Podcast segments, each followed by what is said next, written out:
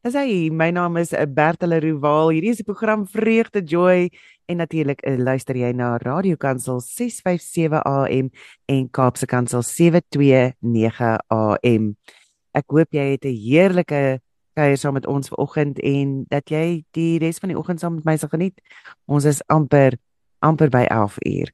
So ons kuier vanoggend weer met House Regeneration en dit is 'n lieflike plek en net so 20 minute buite die hartjie van Pretoria. So ons kan definitief daarso meer uitvind op hulle webtuiste kan jy meer uitvind oor hulle en dit is www.hr7.co.za. Maar ja, ons gaan nou lekker gesels met Annetjie Krieg en ons gaan voortgaan met ons ouer leidinggesprek. 'n uh, bietjie meer oor die ouers en en oor hoe ons ons kinders kan voorkom om af op te eindig by 'n afhanklikheidsplek. So Annetjie, goeiemôre, hoe gaan dit?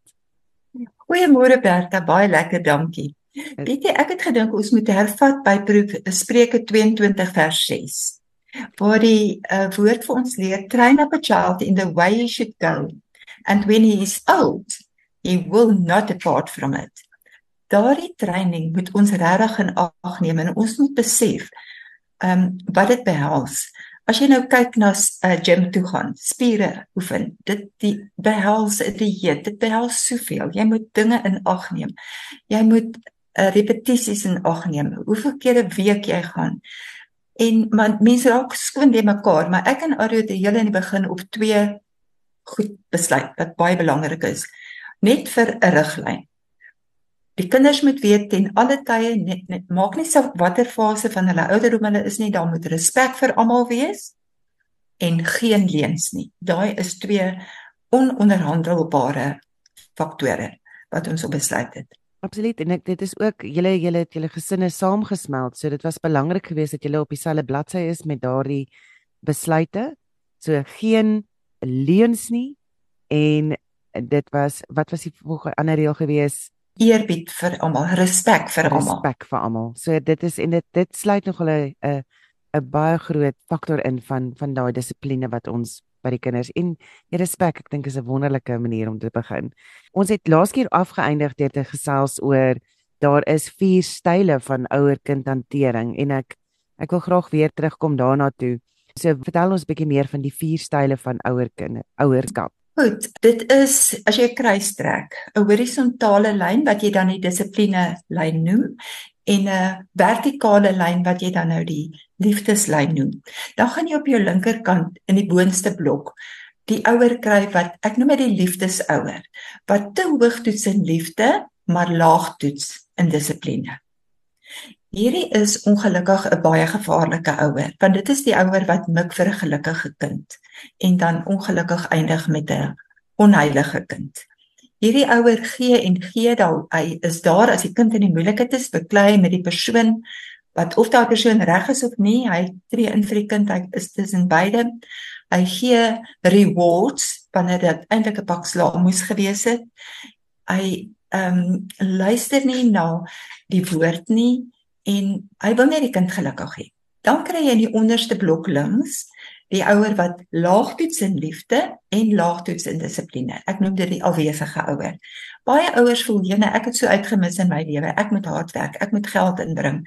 En solank my kind net finansiëel en geskenke en al die dinge het, dan gaan hy reg wees. Maar hierdie kind verloor uit want daar word nie 'n oog op hom gehou nie. Hy ervaar nie die liefde wat hy moet hê nie en die dissipline ook nie. Gevolglik daar is 'n sekere persoonlike karaktertrekke wat hieruit gaan gebeur wat baie gevaarlik is. Hieruit kom baie kriminele tevore want die kinders kan doen wat hulle wil. Hulle kyk TV wat hulle wil wanneer hulle wil. So hulle opleiding kry hulle eintlik van die onheilige TV en die internet wat glad nie meer goeie dinge aan die kinders projekteer nie.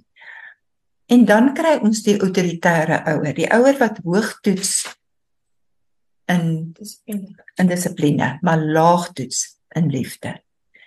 Hierdie ouer is van hierdie 3 die beste ene, maar steeds gevaarlik want hy kweek rebelse kinders wat leuns vertel want hulle is bang hulle gaan pak slaag kry. En hierdie kinders is ongelukkig. Hulle wil vroeg uit die huis uit. Hulle wil nie daar bly nie Want maanpa stem gewoonlik nie oor oor een nie. Uh, as dit die pa is wat oorheersend is en autoritair optree, dan gaan die ma nou juis na die ander kant toe heeltemal te sag wees en pa te gaan en probeer kompenseer vir 'n moeilike pa. Ja. En dan natuurlik kry ons aan die regterkantste boonste blok die ouer wat gebalanseerd is, wat hoogtoets in liefde en hoogtoets in dissipline. En dit is waar ons dit wil hê. Maanpa op dieselfde bladsy en ons ehm um, sla gee pak slaap wanneer daar geslaan moet word. Spaar nie die roede wanneer dit nodig is nie en ons komplementeer wanneer dit nodig is. Ons is daar vir die kinders wanneer hulle op die sportveld is, maar ons laat nie toe dat die sportveld vir hulle sê dit is Sondag, julle kom sportveld toe nie. Nee, ons gaan eers kerk toe en ons leer die prioriteite vir die kind reg. Ek dink as dit lê by die ouers om daardie Christelike waardes ook net neer te lê en en vir hulle ook bekend te maak met die vreugde van en die om weet die kerk die gemeenskap van die Here die vreugde van daardie verhouding met Here met die Here.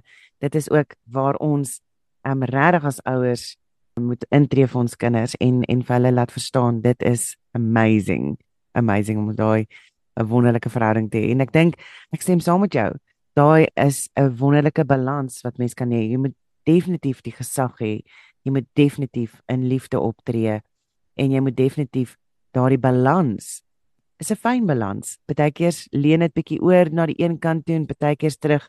Maar 'n ouer moet ek ook ek dink 'n ouer moet ook vir 'n kind kan wys en leer wat dit is om te sê, weet jy wat, ek het 'n fout gemaak. Maar en ja. ek erken ek neem volle verantwoordelikheid vir daai fout op my en ek vra om verskoning en jy gaan voort.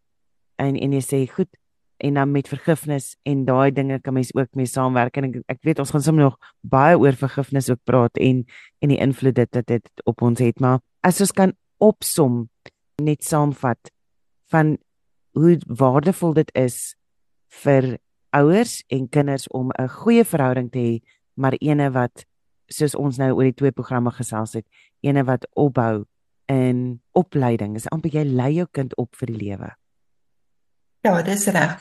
Weet jy, ehm um, uh, wanneer jy met jou kind deel oor die dissipline area, hulle is nie altyd baie daar lief daarvoor nie. Maar as jy vir hulle die woord gee, ja, dan is dit baie belangrik. Want jy kan vir hulle leer hierso Hebreërs 12 vers 7. As jy die tugtiging verdra, behandel God julle ook as seuns. Want watter seun is daar nie wat die Vader nie tugtig nie? Amen. So, Amen. Dan verstaan hulle dit beter. Dit is nie ma en pa wat dit doen omdat hulle nie van my hou nie. Hulle het ook 'n opdrag wat hulle moet uitvoer. Yes. Verby. Ja, also on baie baie dankie Annetjie. Ons ek weet dit gaan so vinnig verby. Ons het laas keer lekker lank gesels, maar ons het uh, vandag net tyd vir 'n korter inset. Maar baie baie dankie vir jou tyd en um groot waardering daarvoor. As mense net kontak wil tree met jou, hoe kan hulle maak? House regeneration, hoe kan hulle vir julle in die hande kry? Hulle kan ons skakel by Pretoria 012 8080 527 of www.hr7.co.za of dan kan hulle vir Anna kontak by 082 601 4017. Wonderlik. Baie baie dankie. Dankie dat jy saam met my gekuier het vanoggend. En ja, ons uh, ons maak volgende week weer so 'n gesels ons bietjie verder. Dankie. En van my kant af, baie baie dankie dat jy ingeskakel het. Was weer eens 'n heerlike program saam met jou. Ons maak volgende week weer so. Shalom.